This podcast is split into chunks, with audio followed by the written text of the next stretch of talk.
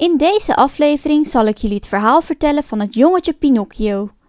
En in het weetje van de aflevering komen jullie meer te weten over hout. Welkom bij de Verhaaltjestijd podcast. Met om de maandag een nieuwe aflevering over sprookjes, volksverhalen, verhalen uit verschillende godsdiensten. En aan het eind van iedere aflevering zal ik afsluiten met een leuk weetje. Dit is aflevering 3 van de Verhaaltjestijd podcast, Pinocchio. Pinocchio is origineel het verhaal van een Italiaanse schrijver, Carlo Collodi. Maar ik denk dat de meeste van jullie dit verhaal kennen van de Disney animatiefilm. In deze aflevering ga ik jullie daarom het verhaal vertellen die tussen de originele versie en die van Disney in ligt. Hoewel velen misschien denken dat het verhaal gaat over een hout jongetje dat liegt, komen we erachter dat er meer te leren is uit dit verhaal. Zal het houten jongetje ooit een echte jongen worden?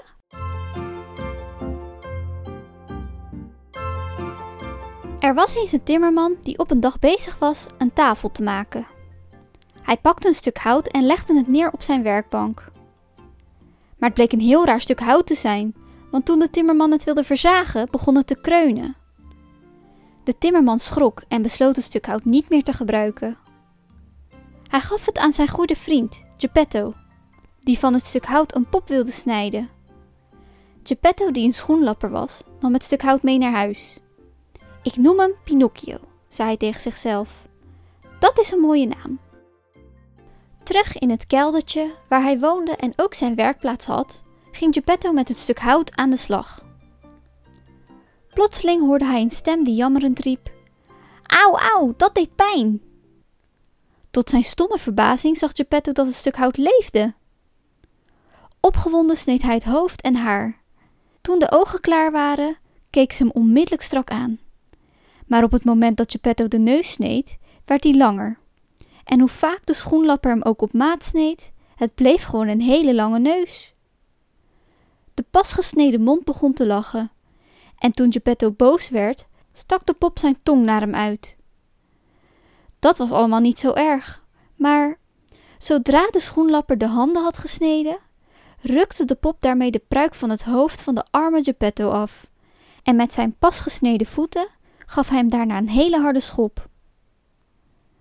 Met tranen in zijn ogen riep Geppetto tegen de pop: Vervelende jongen, je bent nog niet eens klaar en je hebt nu al geen respect meer voor je vader. Toen zette hij de pop overeind om hem voorzichtig te leren lopen. Maar op het moment dat Pinocchio rechtop stond, begon hij heel hard door de werkplaats te rennen. En Geppetto rende hem achterna. De pop trok de deur open en rende de straat op. Nu kon Pinocchio harder rennen dan Geppetto. En hoewel de arme schoenlapper schreeuwde: Hou hem tegen, hou hem tegen, hielp niemand Geppetto, want ze vonden het allemaal veel te grappig. Gelukkig had een agent de schoenlapper ook horen roepen. Vlug rende hij naar Pinocchio greep hem en gaf hem terug aan zijn vader. Je krijgt een flinke draai om je oren, riep Geppetto buiten adem. Maar op datzelfde moment zag hij dat dat niet kon. Hij was namelijk in zijn haast vergeten de oren aan het hoofd te snijden. Pinocchio was bang dat de agent hem zou meenemen. En daarom zei hij vlug tegen zijn vader dat hij er spijt van had dat hij was weggelopen. Waarna Geppetto zijn zoon vergaf. Zodra ze thuis waren, maakte de schoenlapper voor Pinocchio een pak van gebloemd papier, een paar schoenen van een boomschors en een pet van zacht wit brood. De jongen vloog zijn vader daarna om de hals. Ik wil graag naar school, riep hij. Dan word ik heel knap en dan kan ik u helpen als u oud bent, vader. Toen Geppetto zijn zoon dat hoorde zeggen, werden zijn ogen vochtig omdat hij ontroerd was. Dat vind ik lief van je, zei hij.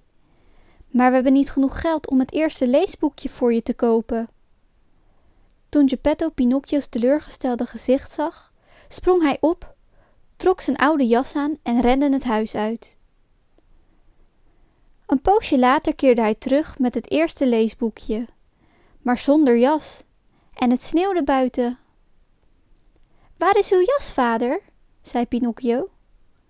Ik heb hem verkocht, zei Geppetto.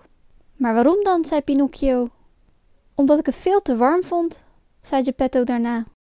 Pinocchio omhelsde zijn lieve vader en kuste hem op beide wangen. Het sneeuwde niet meer. Pinocchio stak het eerste leesboekje onder zijn arm en ging vol goede voornemens op weg naar school. Tijdens het lopen dacht hij: Vandaag wil ik leren lezen, morgen leer ik schrijven en overmorgen rekenen. Dan ga ik geld verdienen en koop ik voor Geppetto een mooie nieuwe jas. Hij verdient het, want. Plotseling werden zijn dagdromen onderbroken door de vrolijke klanken van muziek. Hij dacht niet meer aan school. Vlug liep Pinocchio het drukke plein op waar de muziek vandaan kwam en zag een heleboel mensen die voor de ingang van een felgekleurde tent stonden. Wat is hier te doen? vroeg hij aan een jongen. Kun je niet lezen? Dit is de grote marionettenvoorstelling, zei de jongen. Hoeveel moet je dan betalen om binnen te komen? vroeg Pinocchio. Drie stuivers, antwoordde de jongen. Wie geeft er drie stuivers voor dit splinternieuwe leesboek? riep Pinocchio even later. Een opkoper kocht het boek van hem, waarna hij vlug de tent binnenliep. Arme Geppetto, hij had maar beter zijn jas kunnen houden. Pinocchio was nauwelijks in de tent of hij werd gezien door een van de marionetten op het toneel. Daar heb je Pinocchio, schreeuwde de marionet. Kijk, daar is Pinocchio. Kom hierheen, kom bij ons. Een hoeraatje voor onze vriend Pinocchio, riepen de marionetten door elkaar. Terwijl het publiek begon te mopperen over al het lawaai, klom Pinocchio het toneel op. Toen kwam Giovanni tevoorschijn, de marionetspeler. Hij zag er angstaanjagend uit met zijn felle, bloeddoorlopende ogen. Wat is hier aan de hand? riep hij. Hou op met al dat geschreeuw en ga in de rij staan, want anders zwaait er wat voor jullie.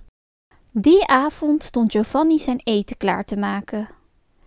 Toen hij zag dat er nog wat hout nodig was voor het fornuis, moest hij opeens weer denken aan de indringer die zijn hele voorstelling verknoeid had.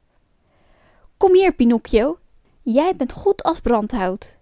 De arme pop begon te huilen en riep smekend: Papa, help me! Ik wil niet dood! Ik wil nog niet sterven! Toen Giovanni de jongen om zijn vader hoorde roepen, vroeg hij verbaasd: Zijn je ouders nog in leven?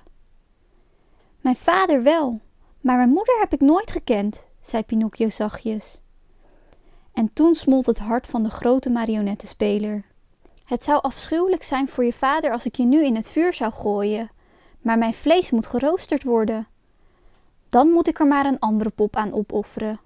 Mannen, bind een touw om Harlekijns handen en voeten en breng hem hier. Toen Pinocchio begreep dat er een andere pop in zijn plaats verbrand zou worden, begon hij nog harder te huilen dan eerst. Doe het alstublieft niet, meneer, toe!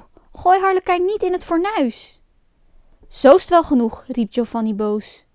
Ik wil dat mijn vlees goed doorbakken is. Als het zo belangrijk is, zei Pinocchio terwijl hij opstond, gooi mij dan maar in het fornuis. Giovanni stond even met de mond vol tanden en schudde toen zijn hoofd. Wel, wel, zo'n held van een pop heb ik nooit in mijn leven ontmoet, zei hij. En toen voegde hij op een zachtere toon eraan toe: Je bent me een goed kereltje. Ik zou eigenlijk. Hoopvol keek Pinocchio de marionettenspeler aan. Ten slotte zei de man: Voor vanavond zal ik genoegen nemen met een half rauw schapenbout. Maar de volgende keer zal iemand eraan moeten geloven. De poppen waren allemaal dolblij dat ze gered waren. Giovanni wilde Pinocchio's hele geschiedenis horen. Hij kwam erachter dat hij Pinocchio's vader kende. Het was Geppetto. En door het hele verhaal kreeg hij medelijden met de vriendelijke Geppetto. Hij gaf Pinocchio daarom vijf gouden munten. Hier, neem mee voor je vader, zei hij. En zeg tegen hem dat hij er een nieuwe jas voor moet kopen. Oh ja, en doe ook de groeten van me. Pinocchio bedankte Giovanni hartelijk en was alweer een poosje op weg naar huis toen hij een halfblinde kat en een kreupele vos tegenkwam. Ze begonnen met elkaar te praten en Pinocchio begon te vertellen wat hij allemaal had meegemaakt. Toen de twee de gouden munten zagen, knipoogden ze naar elkaar en zeiden tegen Pinocchio: Als je je vader werkelijk een plezier wil doen, zou je veel meer munten voor je vader moeten meebrengen. Wij weten toevallig dat hier in de buurt een toverwei is waar je deze vijf munten kunt zaaien.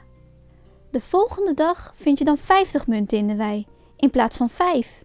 Hoe kan dat nou? zei Pinocchio stom verbaasd. Dat zal ik je vertellen, zei de kreupele vos. In het land van de uilen ligt een wei die bekend staat als de wonderwei.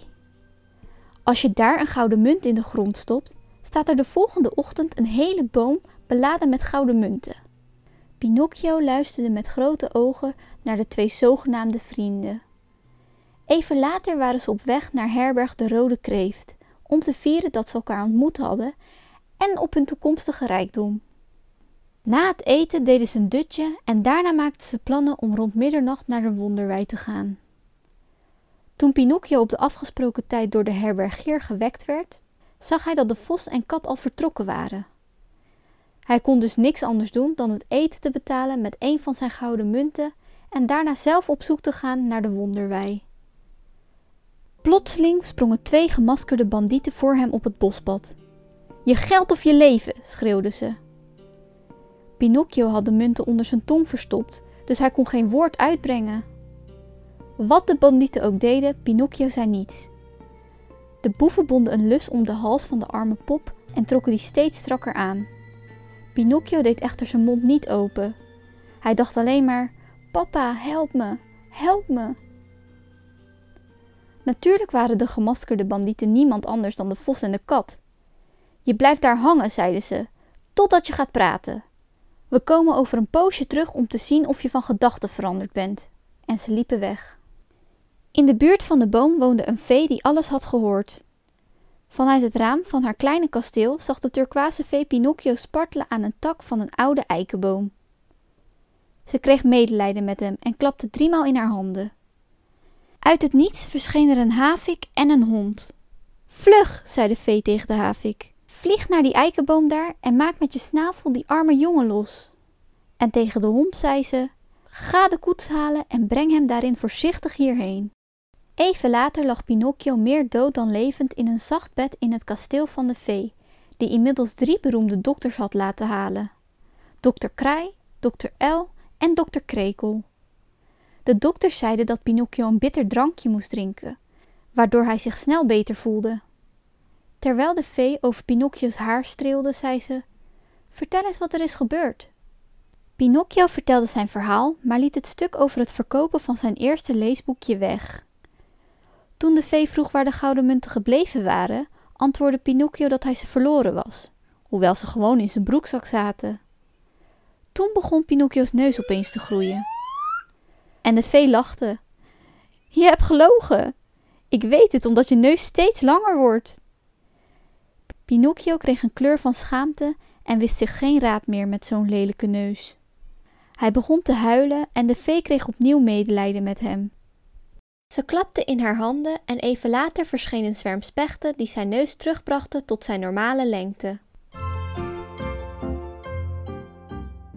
En nu niet meer liegen, denk erom, waarschuwde de vee. Anders begint je neus opnieuw te groeien. Ga naar huis, neem de munten mee en laat je door niemand afleiden. Dankbaar kuste Pinocchio de vee en ging vlug op weg naar huis. Maar bij de eikenboom in het bos kwam hij de kat en vos tegen. Hij vergat zijn belofte en was zo dom dat hij zich liet ompraten door de twee boeven. Ze zeiden dat hij de munten in de wonderwei moest begraven en dat deed hij. Vol goede moed ging Pinocchio de volgende ochtend kijken, maar de munten waren verdwenen. Somber ging de jongen op weg naar huis, zonder de munten die Giovanni hem had meegegeven voor zijn vader.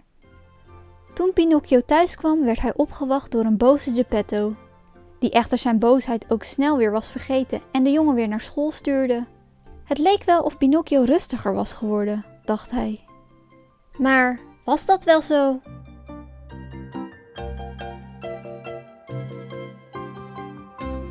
Hier stopt het verhaal deze aflevering. In de volgende aflevering kom je erachter dat Pinocchio nog veel meer avonturen te wachten staan. We zijn in deze aflevering te weten gekomen dat Geppetto Pinocchio gemaakt heeft. En dat Pinocchio in het begin erg stout was. Hij was even van huis, maar hij heeft uiteindelijk zijn weg weer teruggevonden. De vraag is alleen of dit nu zo blijft. Maar daar komen jullie in de volgende aflevering achter.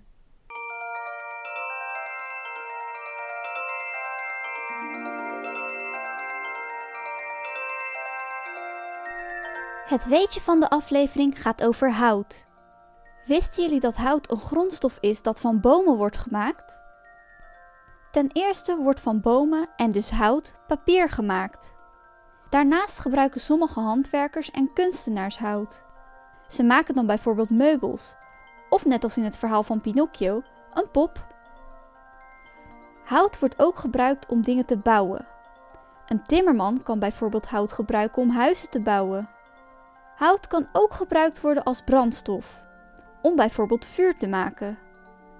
We kunnen dus zeggen dat hout voor heel veel verschillende dingen gebruikt wordt. Er is daarom ook veel hout nodig. Maar helaas moeten daarvoor wel veel bomen gekapt worden. En te veel bomen kappen is niet goed voor het klimaat. We moeten daarom zuinig zijn met al het hout. Dus de volgende keer als je bijvoorbeeld met papier bezig bent, wees dan eens extra zuinig en gooi het niet zomaar weg. Dit was Verhaaltjestijd. Meer informatie over deze podcast kan je vinden in de beschrijving. Hier staat ook hoe je mij het beste kunt bereiken. Dus vond je het een leuke podcast of heb je ideeën voor een ander verhaal? Laat dan een bericht achter. Bedankt voor het luisteren en tot snel!